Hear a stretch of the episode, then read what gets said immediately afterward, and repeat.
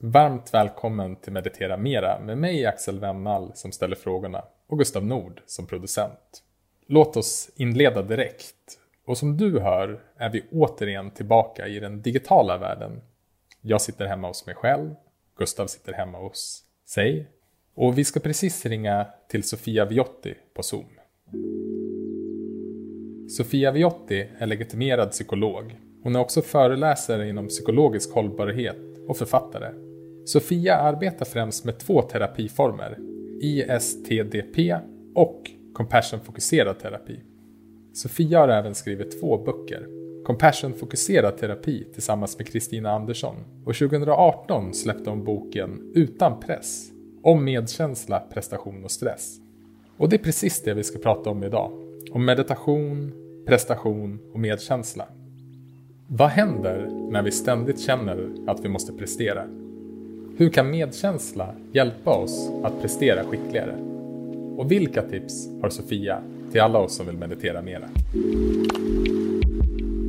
Eller är det bra om det kommer in lite ljud nu också? Ja, men det har jag ju här. Okej, okay. men jag, äh, fan, jag sätter på den direkt. Du sätter på den, okej. Okay. Ja. vill du också hoppa på tåget? Ja, jag kan göra det. Ja, nice. nice. Hej Sofia och välkommen till Meditera Mera. Först och främst, hur mår du? Jo, men jag tycker att jag mår bra. Jag eh, har ju ett väldigt roligt jobb som jag ändå kan fortsätta med trots att vi är i de här konstiga coronatiderna. Så under omständigheterna så mår jag faktiskt väldigt bra. Mm, härligt. Vi försökte ju få till en träff i våras men blev då stoppade av corona. Precis. Men nu kände vi att den här gången att det inte skulle få stoppa oss så att vi, vi ses ju här digitalt istället. Yes. Som, eh, som lyssnarna säkert hör. Och vi ska ju prata om meditation och sen kanske framförallt prestation och medkänsla idag. Mm. Och eh, du har ju skrivit en jättefin bok som heter Utan press om medkänsla, prestation och stress. Som jag har läst inför vårt samtal idag. Så det, den kommer ligga till grund för vårt samtal. Och det finns så mycket saker att nysta upp i den. Och jag hoppas verkligen att vi kommer hinna täcka det mesta. Eh, vi får mm. göra vårt bästa helt enkelt. Utan att känna press, eller? Exakt. Och eh, prestation är ett område som jag tror vi många känner igen oss i när den tar över handen. Och jag gör det själv. Och det är faktiskt så att min ohälsosamma relation till att prestera var en av huvudanledningarna till att jag hittade in till meditation från första början. Mm. Mm. Och man kan väl se det som så att mitt problem då var att jag identifierade mig med den som alltid skulle prestera. Och du kallar den här delen av oss själva som prestationssjälvet i boken. Mm. Men så vitt jag minns så beskriver du inte i alla fall i den här boken om hur det kommer sig att du började meditera. Nej, precis. Um, jag har faktiskt funderat på det, för jag får ju den frågan ibland och, och jag tänkte efter lite, men vad var det som, hur började det? Men egentligen så tror jag det började på ett sätt när jag var tonåring och eh, då var jag aktiv i Svenska kyrkan som ungdomsledare och konfirmerade mig och så.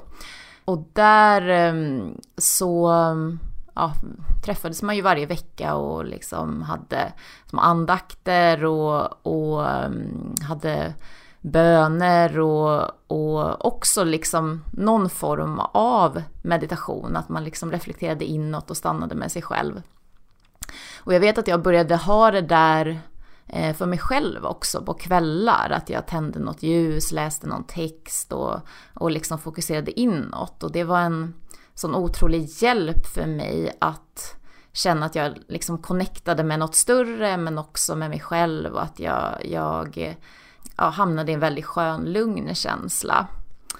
Och sen utifrån det så började jag bli mer och mer nyfiken på liksom andlighet och började mm, läsa om mindfulness och meditationer. Jag hade en pappa som, som sysslade med meditation. Sen började jag mer och mer söka mig bort från Svenska kyrkan och mer till buddhismen istället. Eh, gick på mm, grundkurs på ett buddhistcenter här i Stockholm där jag bor. Och mm, så fortsatte det utifrån det och sen när jag pluggade till mm, psykolog så blev jag också nyfiken på de inriktningarna som hade mer eh, mindfulness och meditation och jag hittade just compassion-fokuserad terapi som den här boken utgår ifrån. Ehm, så att det har liksom kommit från lite olika håll, att jag har hittat in just till meditationen och till mindfulness. Hur ser din meditationspraktik ut idag? Ehm, den var väldigt eh, bra och regelbunden innan jag fick barn. Ehm, sen så kände jag att det som var mest schysst för mig när jag fick barn och allting liksom var helt kaosigt, det var att inte lägga på mig den pressen att okej, okay, jag borde få till det här med meditation för jag vet att jag mår bra av det. Utan istället så, eftersom jag har hållit på med det här så länge så har jag i stort sett alltid med mig ett, liksom ett medvetande om mig själv. Ehm, jag tycker det oavsett vad jag gör så är jag ständigt lite medveten om min kropp, min andning, eh, mina tankar, mina känslor. Så att jag har försökt bara fortsätta att vara medveten och liksom ha med mig det under tiden. Men sen nu de senaste veckorna har jag börjat plocka upp det lite mer och mer och, och göra lite guidade meditationer eh, och också sätta mig ner och ta tid och bara göra egen meditation också. Mm. Nej, men jag tänker också på det där att det du säger att meditation är ju inte avhängt på den sittande meditationen när vi sätter oss i tystnad utan det är ju ett, egentligen ett förhållningssätt vi kan ha med oss in i livet. Att vara medveten och närvarande i vad vi än gör.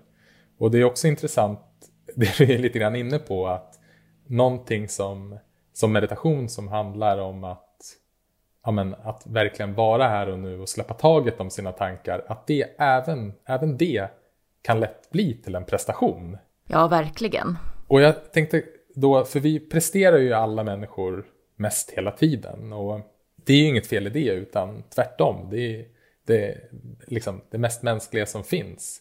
Men vad är det grundläggande problemet med prestation och vad är liksom själva anledningen till att du skrev din bok från första början? Jag tänker att problemet blir när, eh, när vi inte, dels när vi inte bara presterar i saker där vi egentligen behöver prestera, att vi är på jobbet, Eh, det finns liksom en tydlig målsättning, någonting vi ska göra eller vi håller på med någon sport där det finns tydliga mål. Utan när det just blir också i aktiviteter som egentligen skulle kunna vara avkopplande, som till exempel du säger meditation eller att umgås med sina vänner eller bara hålla på med någon, liksom motionera på olika sätt. När allting börjar handla om att du, du har bara hela tiden tydliga mål, du måste, eh, du pressar dig själv till saker. Ehm, det ständigt blir viktigt att hålla på och jämföra sig och, och när man inte liksom presterar det som man har tänkt eh, så, så blir man missnöjd, man blir självkritisk, man hackar på sig själv. Så, och, och egentligen också eh, när man gör saker som handlar om prestation, när mindsetet blir alldeles för mycket det här att jag måste ta mig till ett specifikt mål och om jag inte når dit, mina högt ställda krav, så börjar jag hacka på mig själv och man fastnar jättemycket i det här konkurrerandet, det, det jämförande och det självkritiska. De två grejerna tänker jag blir liksom de största problemen. Eh, sättet vi presterar på eller när vi presterar i allting som vi gör. Mm. Ja, men jag, som sagt, jag känner igen mig själv i, i att fastna i, i rollen av att hela tiden behöva prestera. Och min erfarenhet var att jag inte riktigt hade ett val.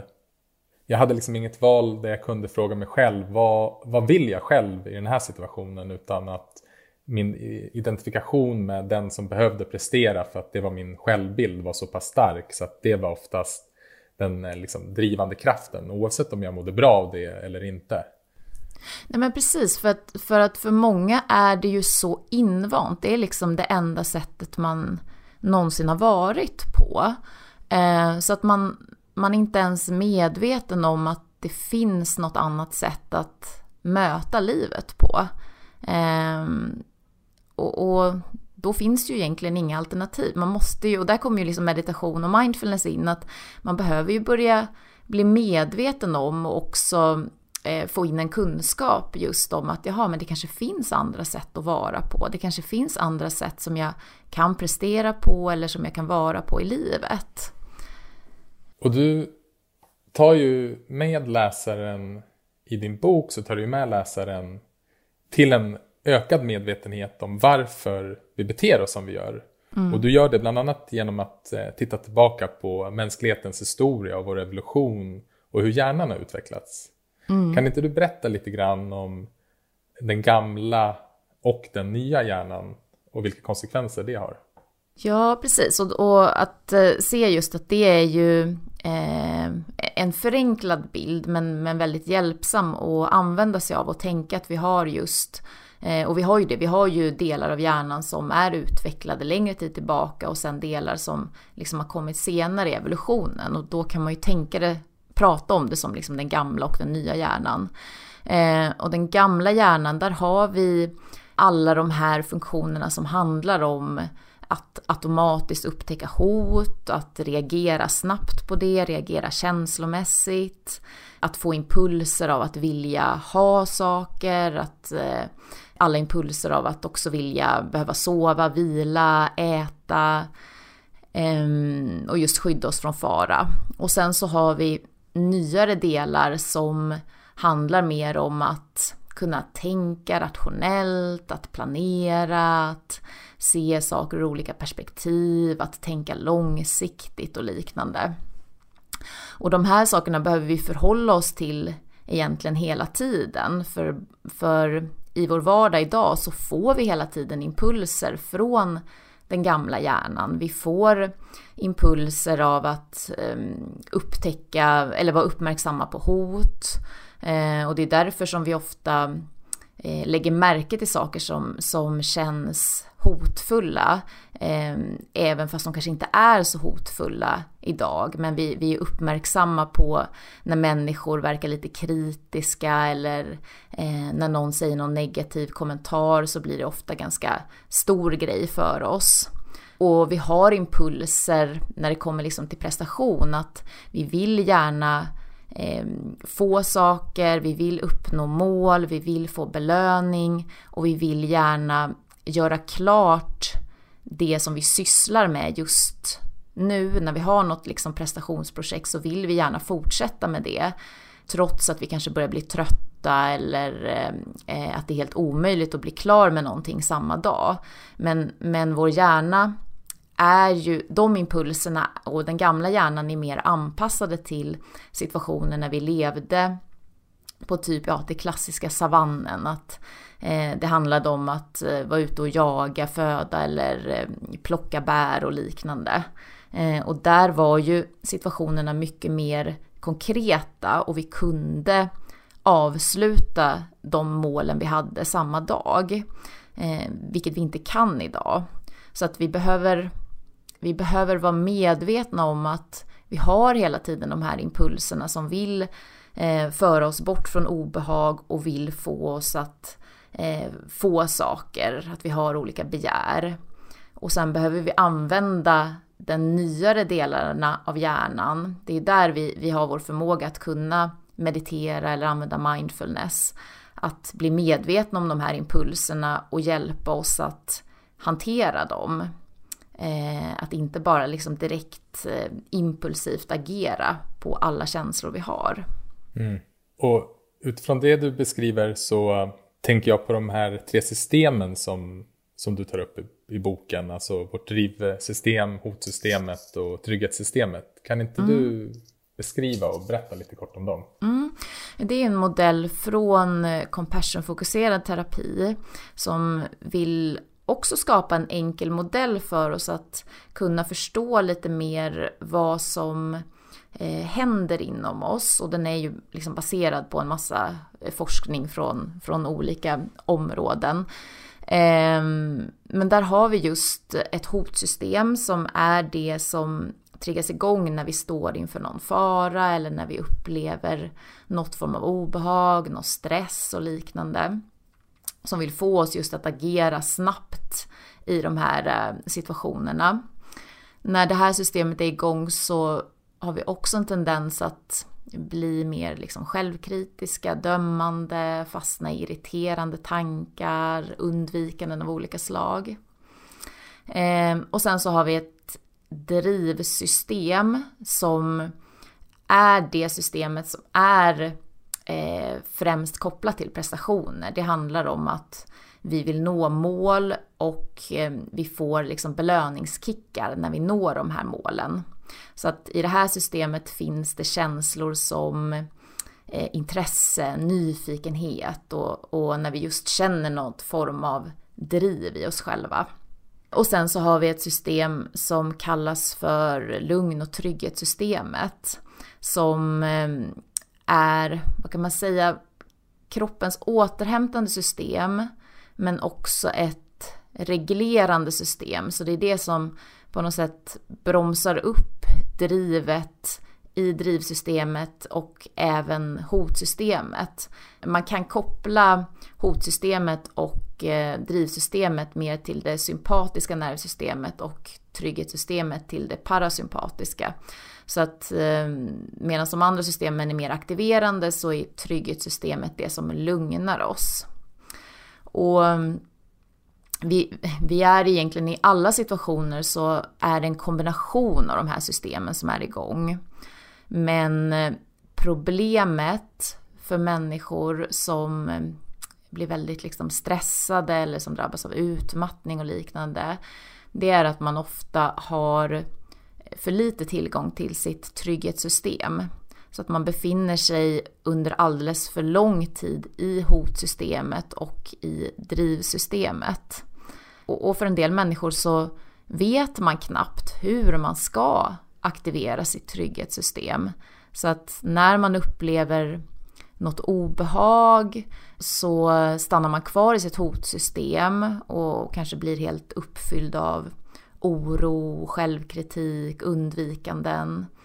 Eller så använder man just drivsystemet och olika former av prestationer för att reglera hotet. För vi vet när vi är upptagna med saker, när vi presterar, när vi gör grejer, när vi, när vi är i det här drivet av intresse och nyfikenhet, då upplever vi ju sällan så starka eh, hotkänslor eller så mycket obehag. Så att det är ju ett sätt eh, att kunna döva obehag på samma sätt som andra använder sig av eh, olika former av eh, missbruk eller shoppingberoende och liknande så kan ju just prestationer också bli ett beroende. Mm. För om vi går då tillbaka till den, den klassiska bilden av savannen mm. så fungerade de här systemen väldigt naturligt i form av vi hamnade i situationer, i faktiska situationer där systemet fyller sin funktion hela tiden. Mm. Medan idag så har vi ju inte samma faktiska hotbild utan en av eh, utmaningarna för oss människor idag är att vi inte riktigt kan skilja på vad som faktiskt händer och vad som är farligt på riktigt och vad vi tänker är farligt på riktigt. Mm. Ser du också det hur, hur att lära sig att kunna skilja på tankar genom att bli mer medveten och det som faktiskt händer kan hjälpa oss att gå från hot och drivsystemet till mer av ett trygghetssystem. Ja men absolut. Eh, ju mer medvetna vi blir om vad som händer inom oss, eh, om våra känslor, om kroppen och om tankar, ju mindre blir ju det här bara någonting som automatiskt spelar upp sig för oss. Eh, om vi inte är speciellt medvetna då blir det ju så att så fort man känner något obehag så försöker man bara automatiskt komma bort från det och bli av med det. Eller så fort man känner den här impulsen av att ja, men jag, jag, måste göra det här perfekt, jag måste eh, fixa till det här eller jag behöver prestera på topp eller liknande. Eh, eller, eller jag vill inte, jag, jag avslutar inte och, och, tar en paus eller går på lunch för att jag, jag måste bara göra klart det här jag gör. Mm. Om vi inte är medvetna om vad som händer och kan förstå att okej, okay, det här är processer i min hjärna, det här är sånt som som eh, triggas igång för alla eller det här är mönster jag har med mig från mitt liv, från min uppväxt som gör att det här eh, händer. Om jag inte är medveten om det, då är jag ju helt utlämnad bara till de här impulserna. Men när man börjar bli mer medveten och se att just att det här är mönster eller det är så här våra hjärnor fungerar, då får jag ju också en chans att kunna bryta det här automatiska och, och förstå att okej, okay, även om det känns som att jag vill göra klart det här nu, så märker jag att jag, jag mår inte bra, jag skulle behöva en paus, jag är alldeles för spänd eller eh, jag, jag andas knappt. Så att om jag fortsätter att bara pressa mig själv nu så kommer det förmodligen leda till att jag får stressproblematik eller att jag mår mycket sämre. Så att det är ju att börja ha verkligen som någon medveten inre dialog med sig själv där man ständigt guidar sig själv och, och checkar av. Vad händer i mig? Vad tänker jag? Vad känner jag? Vad händer i kroppen? Ehm, och det tänker jag ju är ett, någonting som vi ju faktiskt, en förmåga vi tränar upp med både mindfulness och med meditation. Mm. Du var inne på det här med att, att det är någon form av obehag som vi ofta vill undvika. Och, och du lyfter ju upp flera olika prestationsstrategier i boken och rädslorna och drivkrafterna som hänger ihop med dem. Mm. Kan du beskriva lite kort vad en prestationsstrategi är? Och sen är jag också lite nyfiken på vad du tror är den liksom mest fundamentala och grundläggande rädslan som får oss att skapa de här ohjälpsamma prestationsstrategierna. Ja, en prestationsstrategi är ju, man kan säga att när vi använder oss av ett beteende återkommande, vi märker att så fort man eh, tycker någonting är obehagligt eller man hamnar i någon form av ovisshet eh, så, så har man en tendens att agera på liknande sätt. Att man kanske ständigt eh, försöker ha total kontroll på sin situation. Eller man försöker ständigt tänka att man ska prestera toppresultat. Eller just det här att man stannar aldrig upp och tar det lugnt utan man ser till att, att alltid vara igång och göra saker. Så att jag tänker en strategi som någonting som är väldigt, väldigt återkommande. Ofta när man börjar jobba med sig själv så, och börjar fokusera inåt så, så börjar man ju se att det är inte på en massa, massa olika sätt eh, som man hanterar till exempel när någonting är jobbigt eller obehagligt. Eh, utan man har just en tendens att återupprepa ganska liknande mönster och, och, som sträcker sig ofta tillbaka till när man eh, växte upp. Att redan där har man börjat träna in ett sätt att vara på. Och vad sa du sen? Var det fundamentala? Ja, men vad, vilken tror du är den fundamentala rädslan som, som gör att vi skapar de här prestationsstrategierna? Jag tänker nog att det handlar mycket om att vi vill passa in och att vi vill känna att andra människor liksom uppskattar oss och tycker att vi är eh, tillräckligt bra så att vi får vara med. Ehm, det tycker jag är det som är det återkommande. Det är ju sällan så, tänker jag, att, att vi skulle fokusera på att prestera jättebra eller, eller att vara rädda för att göra fel om vi bara var liksom själva, utan det är ju ofta i relation till andra människor. På en arbetsplats, att man oroar sig för att, att eh, kollegorna eller chefen inte ska tycka att man gör tillräckligt bra nog, eller om man fastnar i att prestera mycket i så sociala sammanhang som många gör, att man tänker att man ska vara på ett visst sätt, man måste vara väldigt rolig eller man måste vara den som är avslappnad och en härlig person. Det är ju också hela tiden i förhållande till andra. Så att, ja, det skulle jag nog tänka. Och också just eh, det här att vi har väldigt svårt generellt människor att stå ut med eh, några obehagskänslor eller en ovisshet också. Mm. Vi har ju en tendens att vilja ha kontroll på vår tillvaro. Och ju mer komplex vårt samhälle blir och, och vår tillvaro så blir det ju också väldigt mycket mer som är ovisst som vi inte kan ha kontroll över. Och då, då såklart så försöker vi ju ännu mer att få till den här kontrollen. Och då är ju de här olika prestationsstrategierna eh, ett sätt eh, att försöka göra det. Men som såklart sällan fungerar. Mm.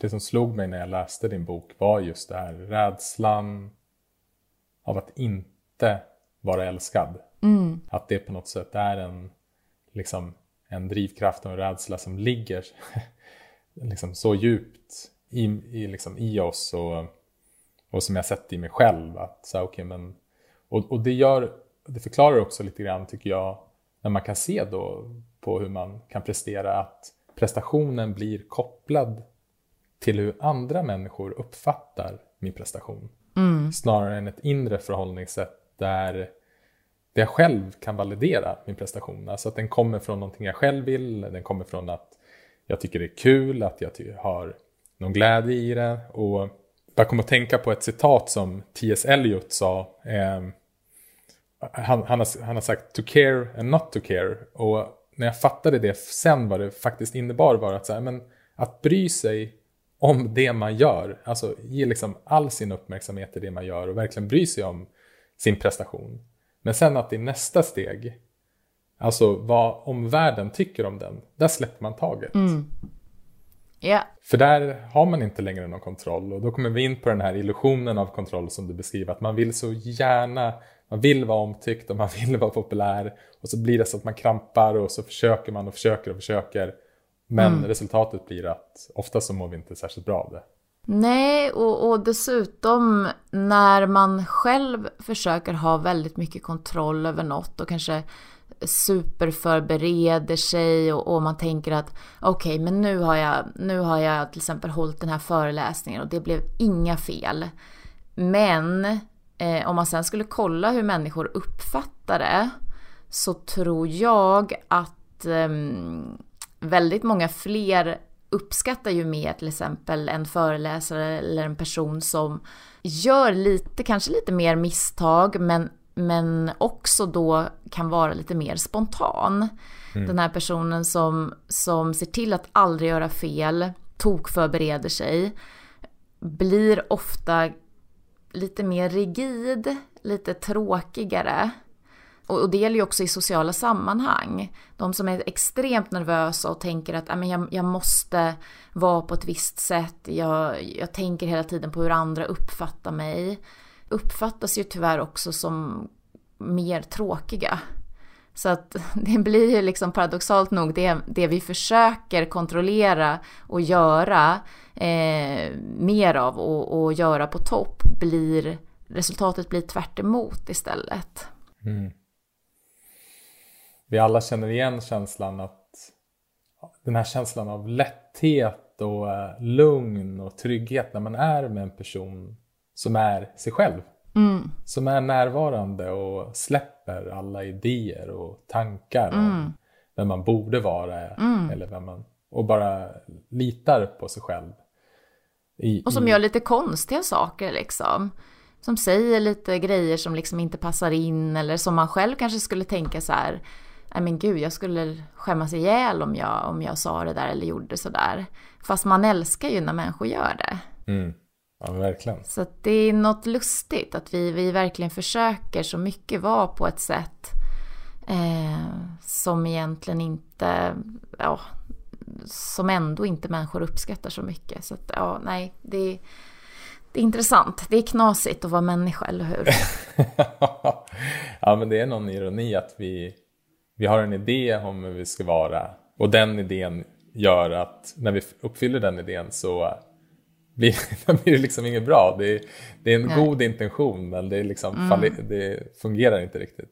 Men jag tycker också det var en intressant sak det där du sa med när vi liksom är fullt fokuserade på, på det vi gör och, och när vi inte liksom går vidare och tänker så mycket på hur det ska eh, uppfattas sen eller vad andra ska tycka om det. Mm. När vi gör någonting som vi, som vi älskar och när vi gör det för att vi faktiskt njuter under tiden vi gör det. För att vi är så himla intresserade av någonting till exempel.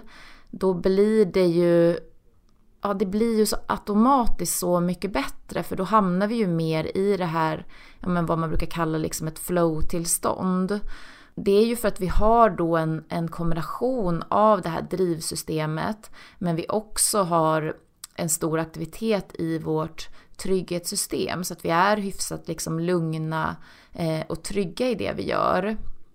Och då får vi tillgång till sådana delar av hjärnan som handlar mer om att kunna vara kreativ, att se saker ur olika perspektiv och liknande. Och det är ju ingenting som vi riktigt vi kan inte liksom bestämma oss för att nu ska jag hamna i ett sånt tillstånd eller nu ska jag göra det på det sättet. Utan det är ju lite som du säger, det är att släppa taget. Men också att, att just försöka hitta, ja men till exempel i sitt jobb, att, att hitta, att våga faktiskt eh, leta efter ett jobb som eh, man tycker är väldigt intressant eller som känns väldigt meningsfullt. Eller i det jobbet som man har, att där försöka hitta vad är det som, jag, som kanske finns någon djupare mening i det jobbet jag gör. Det kan man i stort sett hitta i, i alla typer av jobb. Eller vad är det som, som jag tycker är lustfyllt just i det jag gör? För då ökar ju chansen att, att vi just mer hamnar i det tillståndet. Och, och att vi har det mycket roligare. Ja, men du kommer in på det som, eh, som jag tror är en, en viktig förflyttning i då att om vi ser då att vi kan prestera utifrån en idé om hur det borde vara, alltså utifrån våra tankar, så tar, plockar du också tillbaka det att säga, okej okay, men varför presterar vi?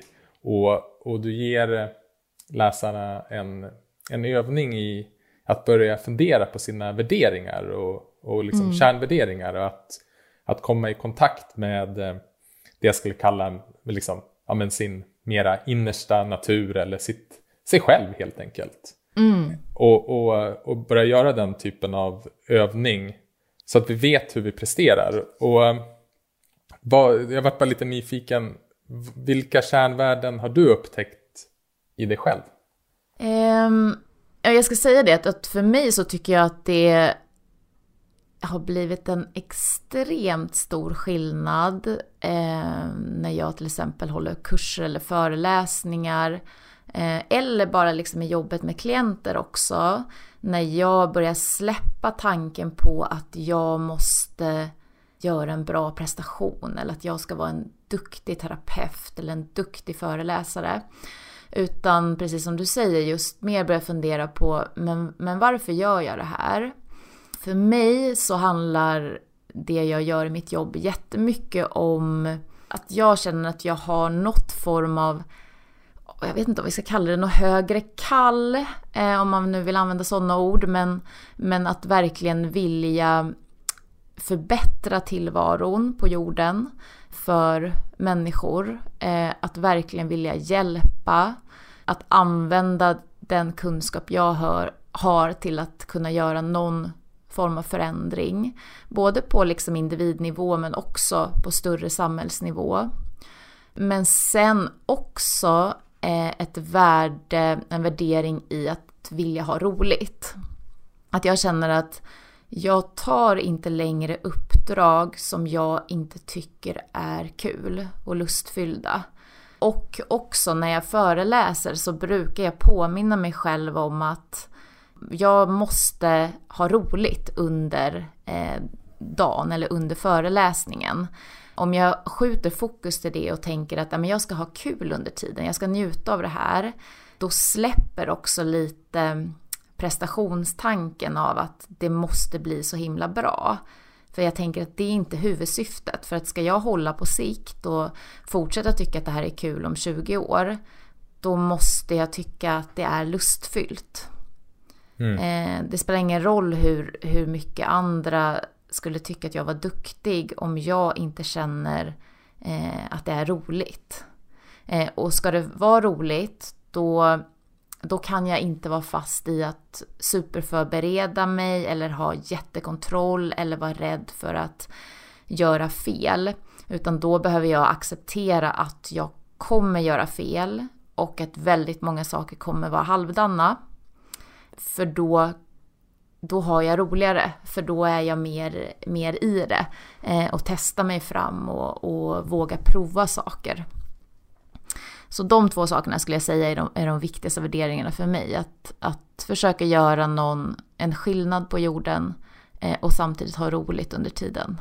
Mm. Jag tänker på din andra värdering där är ju också tydligt visar ju också förflyttningen i prestation i kanske då man skulle säga en, ett mera skickligare sätt att prestera på än ett oskickligt. Och det är ju att när vi, oftast när vi fastnar i prestation så fastnar vi i det som ska hända sen. Det är någonting som måste uppfyllas i framtiden. Först då kan vi må bra mm. eller det är först då vi kan slappna av. Det är först då Verkligen. vi kan gå hem.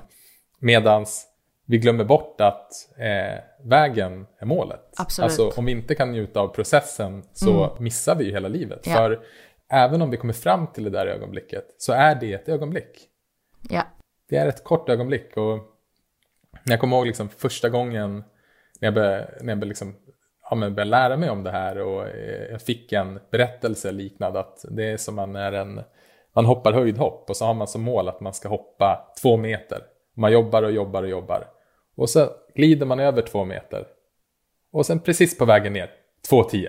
Mm. Så man hinner inte ens slå in i mattan innan Nej. nästa mål kommer upp. Nej, verkligen. Och eh, det är okej okay att ta de här målen, men det blir så synd och det blir så trist om vi missar att liksom tiden emellan, att verkligen kunna njuta av den processen, att det är mm. det som är livet. Mm.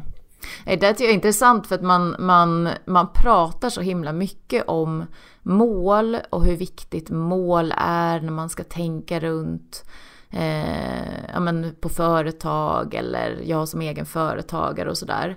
Eh, och jag, jag har inga mål i mitt jobb faktiskt. Mm. Eh, utan jag eh, jag tänker inte ut så här, men jag ska hålla så och så många föreläsningar eller det här och det här ska jag uppnå om tio år eller så. Utan istället när man börjar fundera mer runt värderingar då blir det ju, precis som du säger, då blir processen viktigare och att fundera över hur vill jag ha det idag? På vilket sätt vill jag jobba? Och mer, det är klart att man kan ha drömmar om att så här, eh, ja, men jag skulle vilja jobba lite mer eh, med det där eller jag kanske skulle vilja göra lite mer sådana saker. Men, men inte som ett tydligt bestämt mål som jag sen ska mäta om jag har eh, kommit upp till eller liknande. Mm. Ja, men det som är också fascinerande för att koppla tillbaka till värderingar och jag tycker det är så viktigt att poängtera att frågan handlar ju om vad man själv kommer fram till. Alltså vad är viktigt för en själv? Mm. Och, och det som också är så, så viktigt att komma ihåg att det spelar ingen roll vad man själv kommer fram till. Det är bara för dig. Mm. Att kunna göra den, liksom, att kunna kontemplera på, okej okay, men vad är viktigt för mig? Det spelar ingen roll vad du kommer fram till, utan det är din sanning. Och det tycker jag mm. är en så befriande del att och det är inte lätt för vi har med oss så mycket, precis som du, vi har varit inne på den här, liksom vilja vara omtyckt, vi har eh, alla vi, människor har en uppväxt som vi formas av, vi formas av våra vänner, vårt samhälle, våra kollegor. Men bara att kunna ställa sig frågan, okej, okay, vad är viktigt på riktigt för mig själv? Och, mm. och, och, den frågan kan liksom få oss att bryta igenom eh, och få mera kontakt med oss själva. Och det har varit så två frågor som jag har stött på som, jag, som har hjälpt mig. Och, och egentligen är det inte svaret som är det viktiga utan det är själva frågan. Och den ena frågan har bara varit, eh, och den, den, är, den hittade jag i John Kabat-Zinns bok eh, Vart du än går eh, är du där. Och, det är, och han bara ställer frågan, okej, okay, men nu är du här i universum och på den här jorden. Så vilken är din livs, livsuppgift med stort U? Vad finns det som du kan göra här som ingen annan kan göra? Mm. Och jag har ingen aning.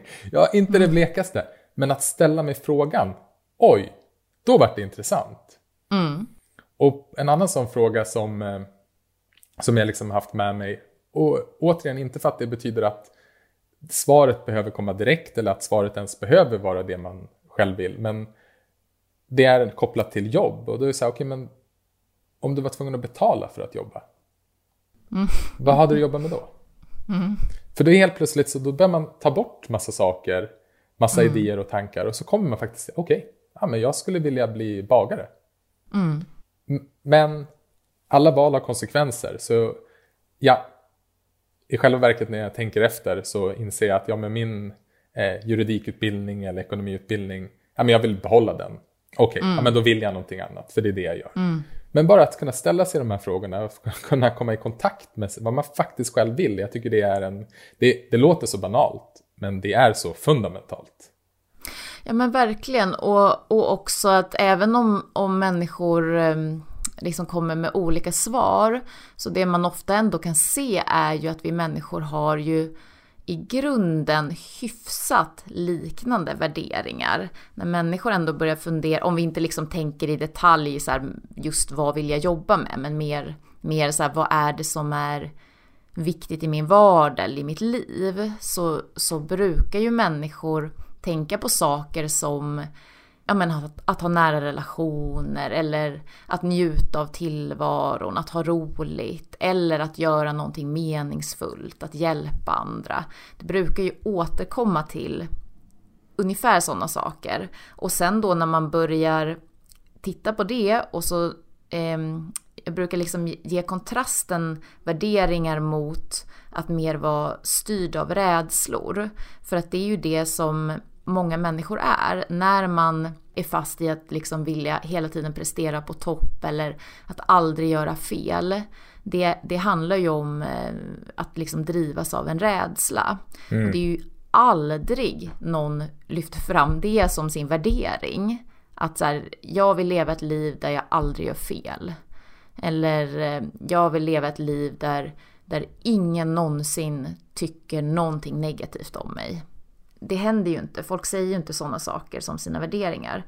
Men när man börjar titta på det då och se att jaha, fast i min vardag, jag styrs inte alls av värderingen av att göra något meningsfullt säger vi, utan jag styrs bara av rädslan att inte göra fel eller att andra ska tycka något negativt om mig. Det kan bli, precis som du säger, att ställa sådana här frågor kan bli ganska omskakande och göra det väldigt tydligt för en. Mm. Eh, vad man kanske mer vill gå åt för håll och, och vad man drivs av idag. Och det kopplar lite grann tillbaka till det vi har pratat om när det kommer till prestation. Att, att kunna börja bli lite mer medveten om varifrån man presterar och lite förenklat så kanske man skulle kunna säga att, att antingen så presterar vi från huvudet. Alltså om huvudet så menar jag från våra rädslor och våra tankar om hur vi borde vara och hur vi ska uppfattas. Eller så kan vi flytta ner den här intentionen att prestera ner i hjärtat. Alltså mm. att man presterar utifrån kärlek. Ja. Och, och att prestera utifrån vad man själv vill är en form av faktiskt självkärlek. Ja, verkligen. Och det gör att vi liksom kommer in i samtalet då, för nu har vi pratat om prestation och olika prestationsstrategier och det som kanske är ohjälps, eh, ohjälpsamt. Och jag ska inte säga att det är lösningen på alla problem, men en del som du, som du verkligen berör och eh, framförallt kanske när vi fastnar i de här ohjälpsamma eh, prestationerna är ju medkänsla. Mm. Skulle du bara kunna berätta, vad, vad är din definition av medkänsla? Ja men precis, för att i boken så, den är ju skriven utifrån metoden compassion-fokuserad terapi. Eh, och där definierar man medkänsla som att kunna närma sig det som är svårt eller liksom lidande eller svårigheter och ha en förståelse för det man upplever. Och sen tillsammans med en motivation att man faktiskt aktivt gör någonting för att hjälpa sig själv eller för att också förebygga lidande. Så att det är ju en aktiv handling som vi både kan rikta inåt mot oss själva eller mot andra människor. Där vi ständigt, ehm, ja men egentligen har med oss en, en medvetenhet om eh, hur mår jag just nu, vad händer inom mig, eh, vad är det som är svårt och hur kan jag ta hand om det, hur kan jag hjälpa mig själv med det här. Mm. Och hur skiljer sig medkänsla från till exempel empati? Eh, ja men precis, det där är ju, ju olika forskare eller eh, liksom experter skulle ju definiera det kanske på lite olika sätt. Men inom just eh, compassion-fokuserad terapi i alla fall så, så tänker man att empati det är vår förmåga att kunna känna in och ha förståelse för liksom någon annans känslor och tankar eller våra egna känslor och tankar. Och då tänker vi egentligen att det skulle vara det första steget i medkänsla. Medan för att bli medkänsla så behöver vi den här nästa steg som handlar om att vi faktiskt aktivt gör någonting för att hjälpa.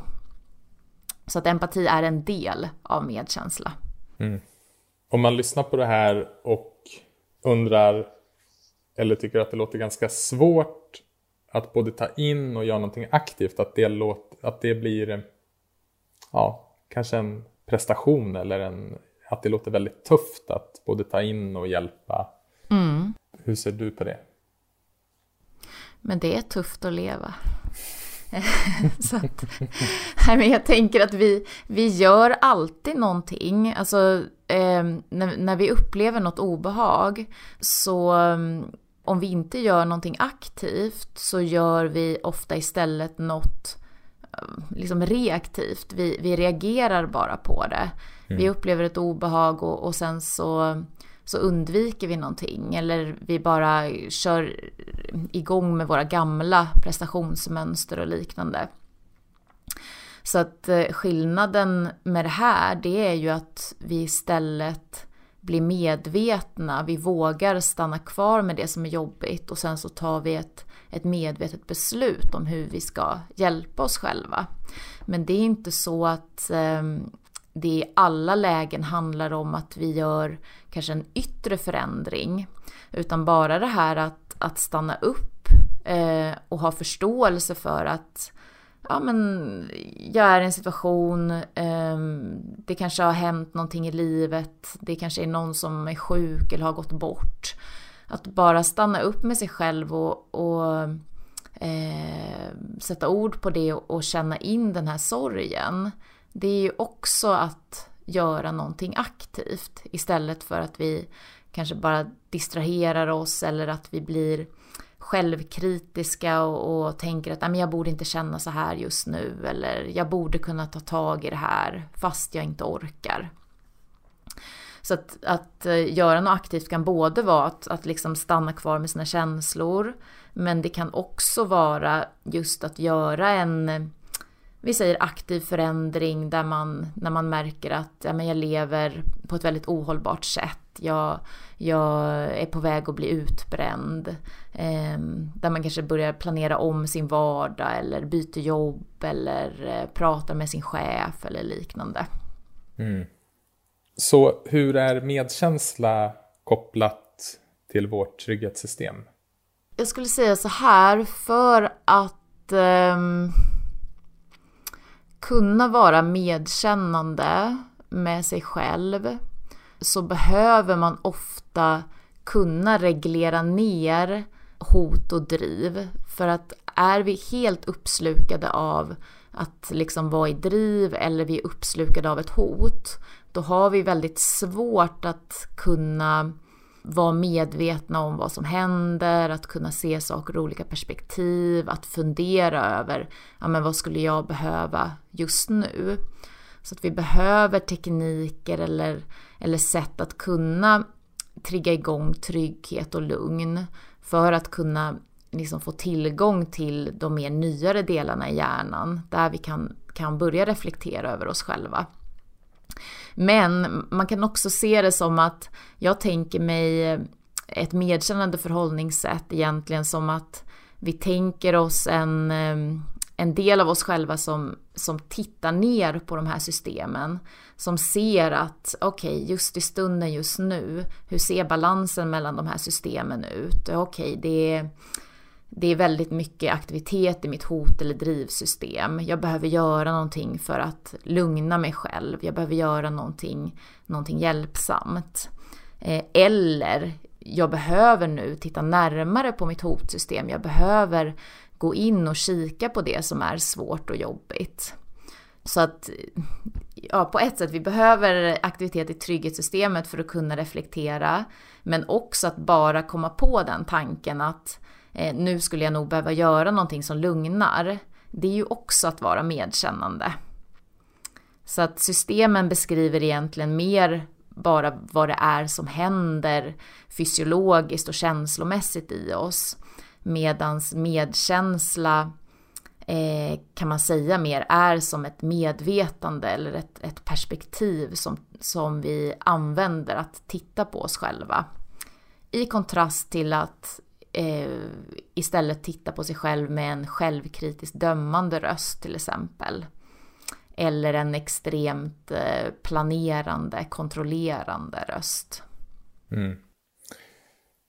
För också medkänsla, precis som du beskriver, handlar ju inte bara om att kanske ta ett steg tillbaka. Man har medkänsla, att liksom vara snäll mot sig själv, så betyder det också att ibland att vi, och ganska ofta att vi behöver ta ett steg framåt. Att till exempel möta obehaget, att det som vi har varit rädda för, att, eh, att kunna känna det. Ehm, mm.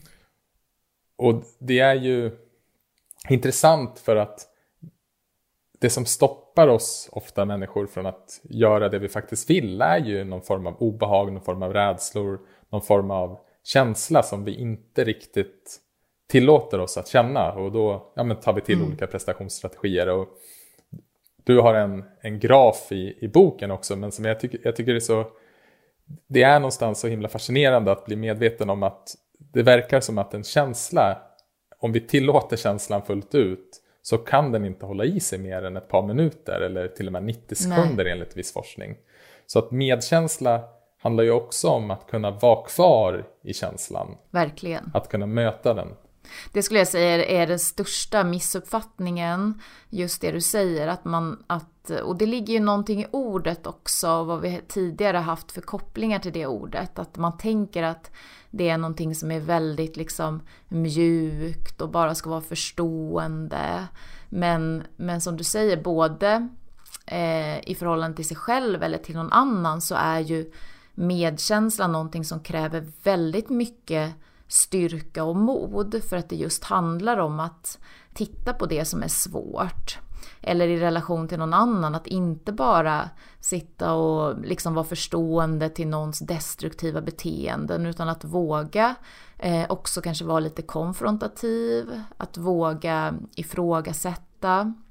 Så att det är någonting eh, som är väldigt, eh, ja men precis som jag sa, liksom det kräver väldigt mycket mycket styrka och väldigt mycket mod och inte alls så mycket om liksom mjukhet och vänlighet.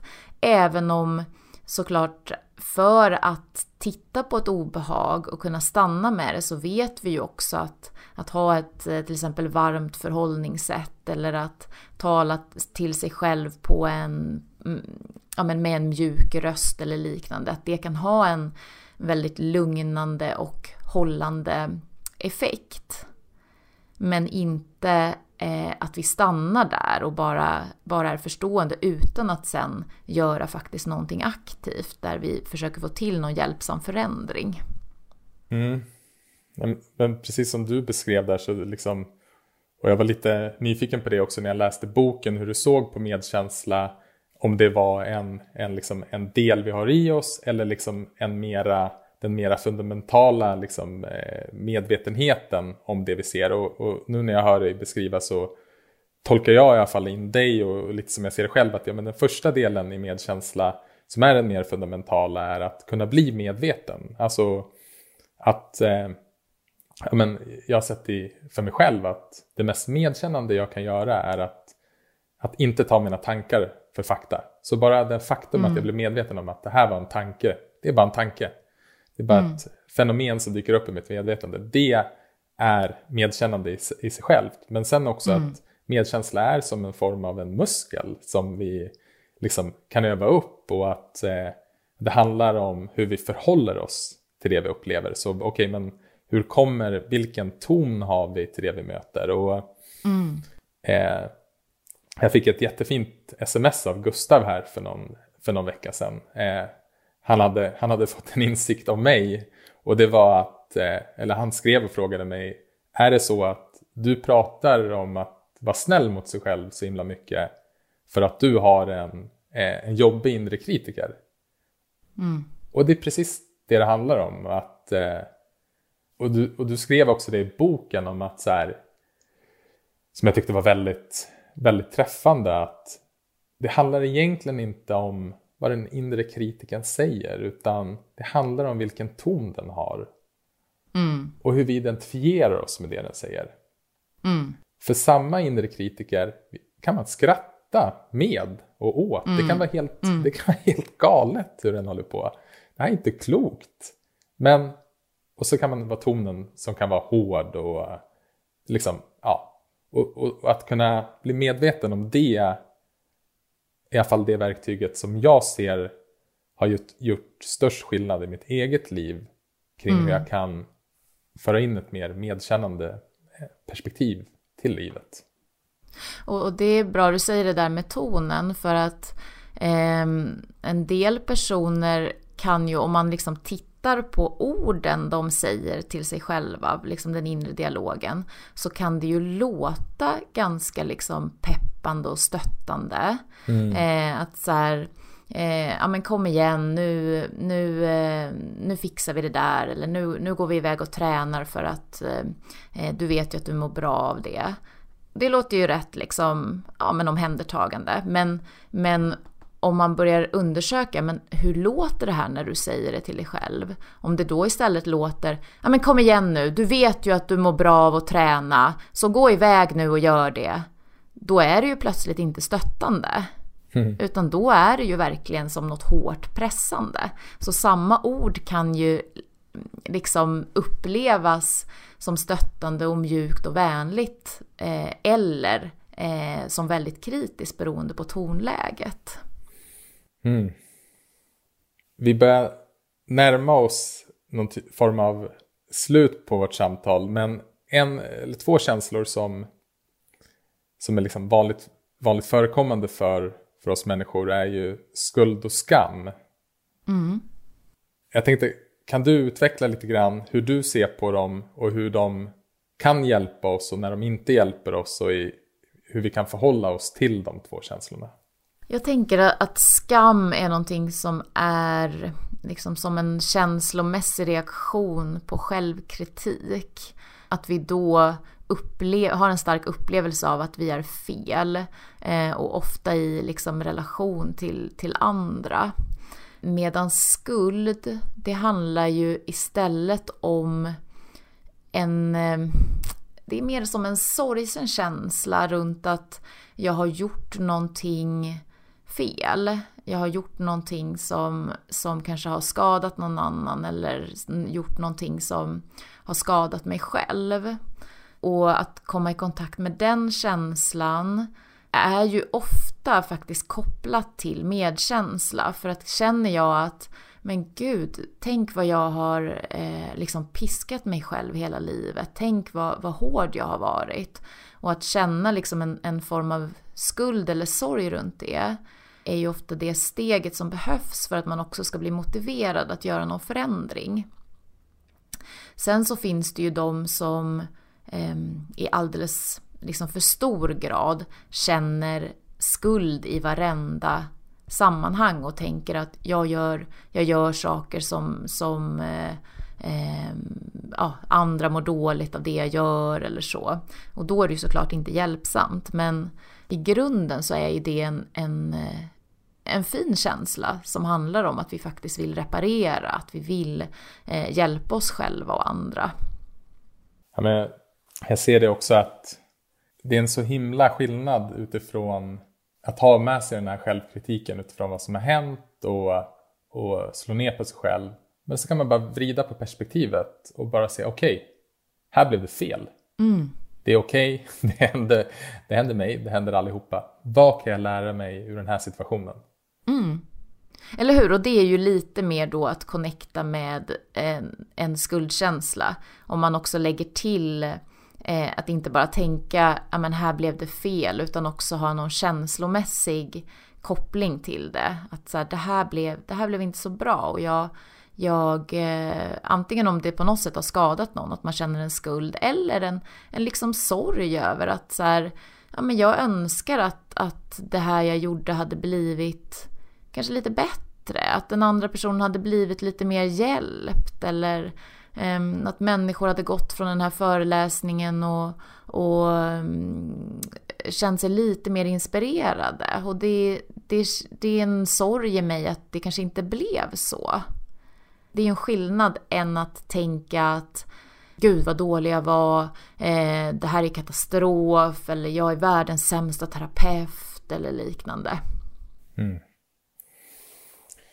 För att sammanfatta vårt samtal så tänkte jag bara, vilka är dina bästa tips för att vi ska kunna prestera mer med glädje och lust istället för att fastna i rädslan? Alltså, hur presterar vi skickligare? Ja, men då tänker jag just att det, det, första steget som vi har pratat om handlar om att, att bli medveten om de här automatiska mönstren, prestationsstrategierna vi faller in i. Och också ha en förståelse för sig själv att, eh, att det, det är inget konstigt att vi hamnar i det här beroende på hur vi människor fungerar och beroende på vår, våra egna erfarenheter. För att där är det ju också lätt, om man är en presterande person, eh, när man börjar titta på sig själv och, och, mm, ska ägna sig åt någon form av självutveckling, att man där också börjar tänka att ja ah, men gud vad dålig jag är som, som eh, har de här strategierna, jag måste ändra på dem.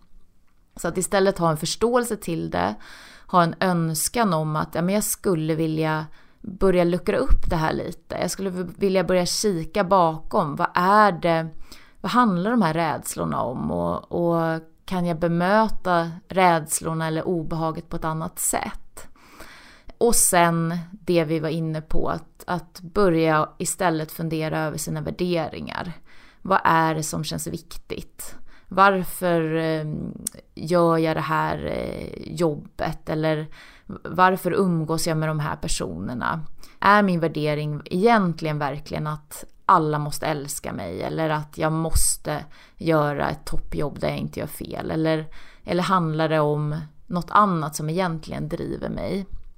Och börja påminna sig om det. Eh, föra in mer liksom lekfullhet och en förlåtande attityd. Ehm, att ta in och acceptera att saker kommer bli halvdana, saker kommer gå fel egentligen varje dag. Och det är bara mänskligt.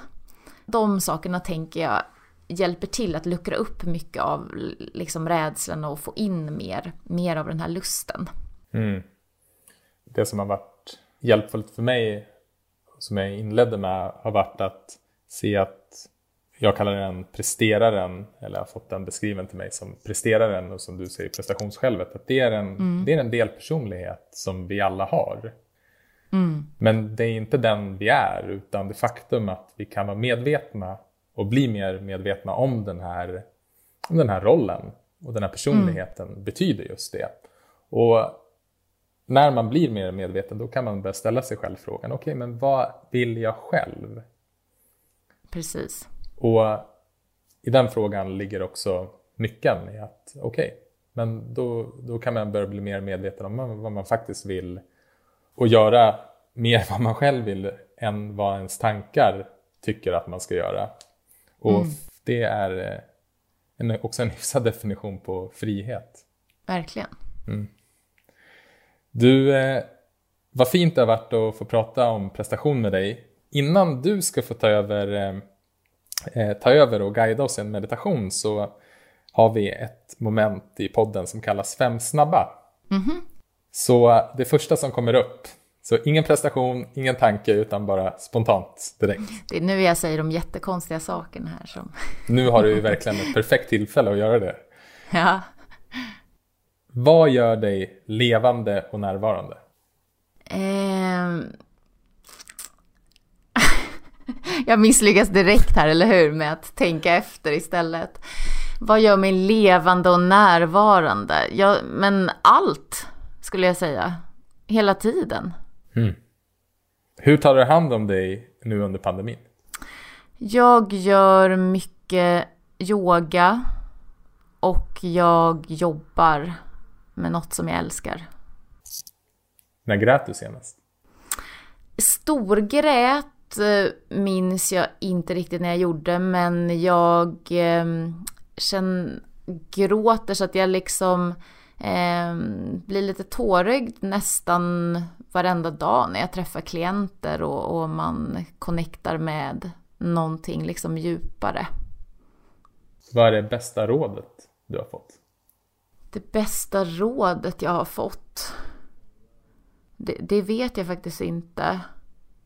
Kan jag inte säga vad rådet jag ger mig själv istället? Absolut.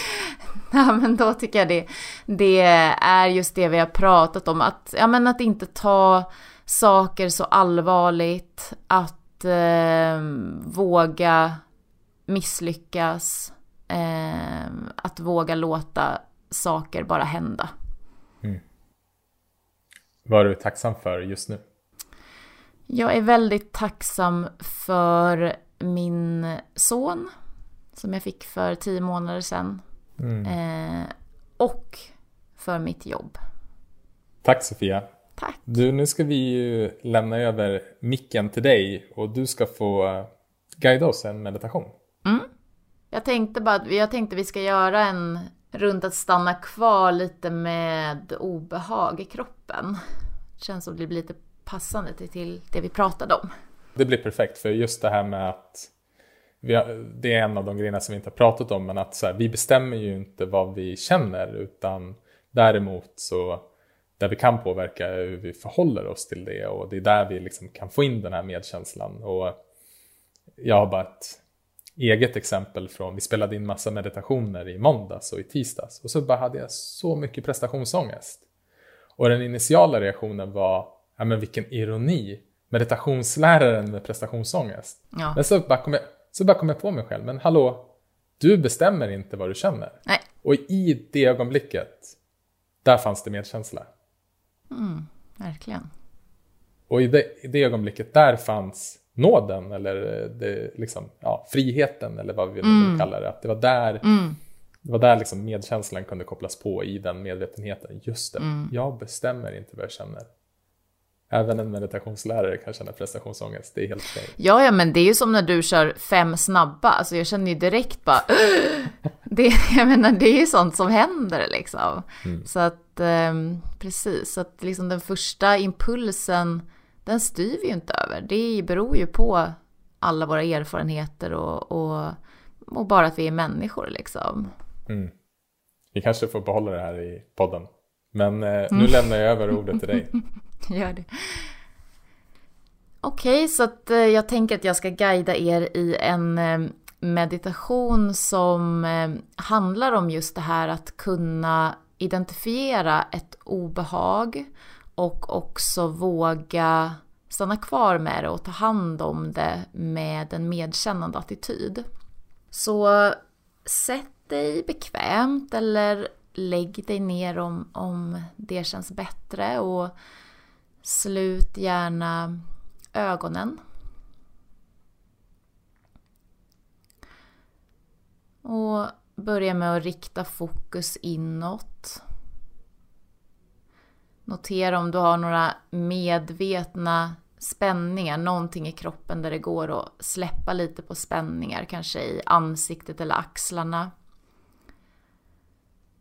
Och se också om du kan ta några lugna andetag.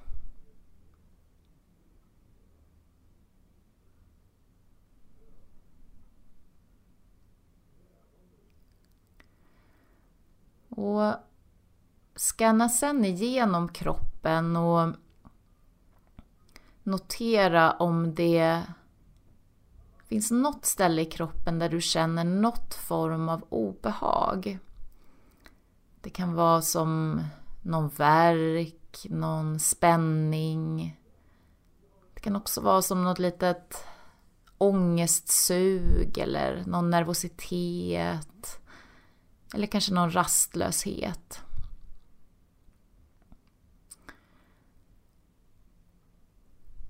Och stanna med din uppmärksamhet på den del av kroppen där du upplever den mest intensiva känslan. Eller den känslan som du tycker det skulle vara mest spännande att stanna med. Och lägg sen en hand på den delen av kroppen. Tänk dig som att det är en medkännande, omhändertagande hand.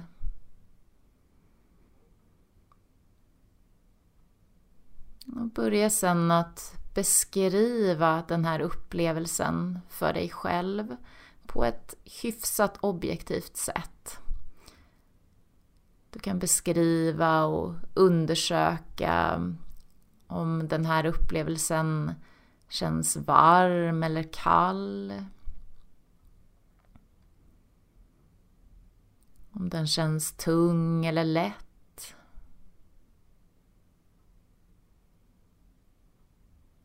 Om den rör sig, om den är stilla.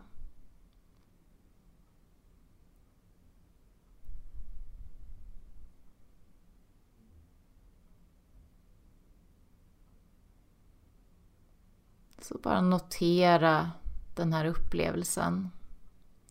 Du kan också notera dina reaktioner på den. Om det kanske kommer med impulser av att vilja bli av med den. Kanske en önskan om att den ska förändras på något sätt. Bara notera det. Du kan ha de här impulserna utan att du behöver agera på dem. Så se om du bara kan få tillåta den här upplevelsen, förnimmelsen i kroppen att få finnas där. Du behöver inte tycka om den. Du behöver inte vilja ha den där men se om du ändå kan tillåta den att få finnas.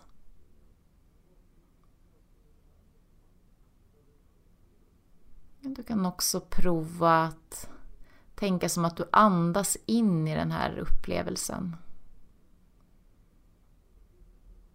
Att du låter din andning strömma in och ut i den här delen av kroppen under din hand.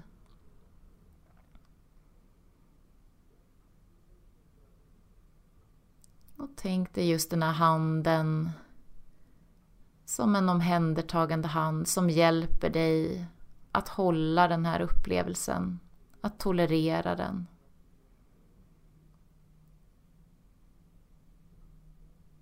Du kan också lägga till några hjälpsamma ord. Kanske att du säger till dig själv med en varm röst att jag kan ta hand om det här. Jag kan tillåta den här upplevelsen. Jag kan vara kvar med mig själv. Jag kan hjälpa mig själv.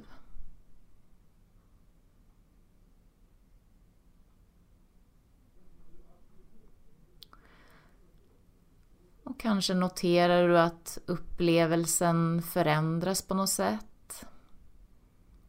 Den kan bli svagare, starkare. Det kan försvinna helt eller byta plats i kroppen.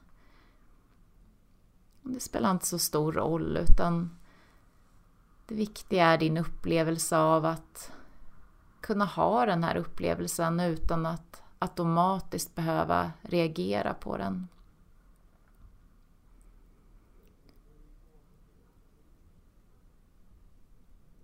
Och du kan också ställa dig själv frågan vad finns det för känslor i den här upplevelsen?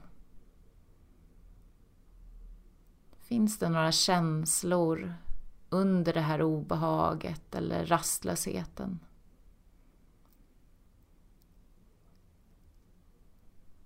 Och inte för att få ett snabbt svar utan bara för att öppna upp, starta igång en process där du vågar utforska vidare. Där du har en önskan om att förstå den här upplevelsen och dig själv på en djupare nivå.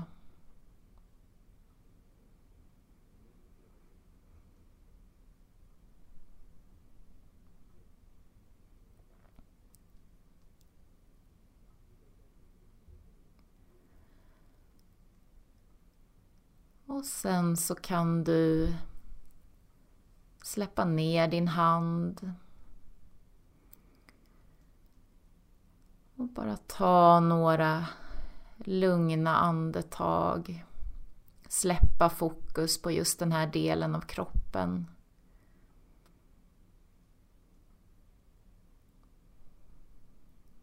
Och bara ha med dig den här upplevelsen av att du har kunnat stanna kvar med något som har känts lite jobbigt och obehagligt.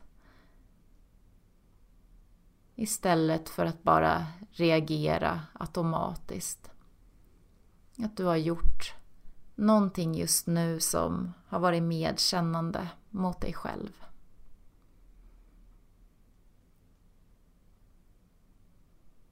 Och sen kan du i din egen takt släppa iväg den här övningen och öppna dina ögon igen. Mm. Tack Sofia. Tack. Okej, tusen tack för idag. Innan vi säger hej då så eh, är jag bara nyfiken på om du har någon tips på någon gäst som du skulle vilja lyssna till i Meditera Mera. Jag kan ha så här dröm, drömscenarios då, typ eh, Brené Brown. Bra. Ni satsar stort. Drömmer. Du låter inga rädslor stoppa oss här inte. Nej, det är bra. Okej, Sofia, tusen tack för att du tog dig tid. Tack för att vi fick eh, träffas. Det, var, det gick ju alldeles utmärkt att se så här över Zoom också och så hoppas jag att, ja, vi, att vi får chans att ses på riktigt sen också när eh, pandemin har lagt sig. Det hoppas jag också.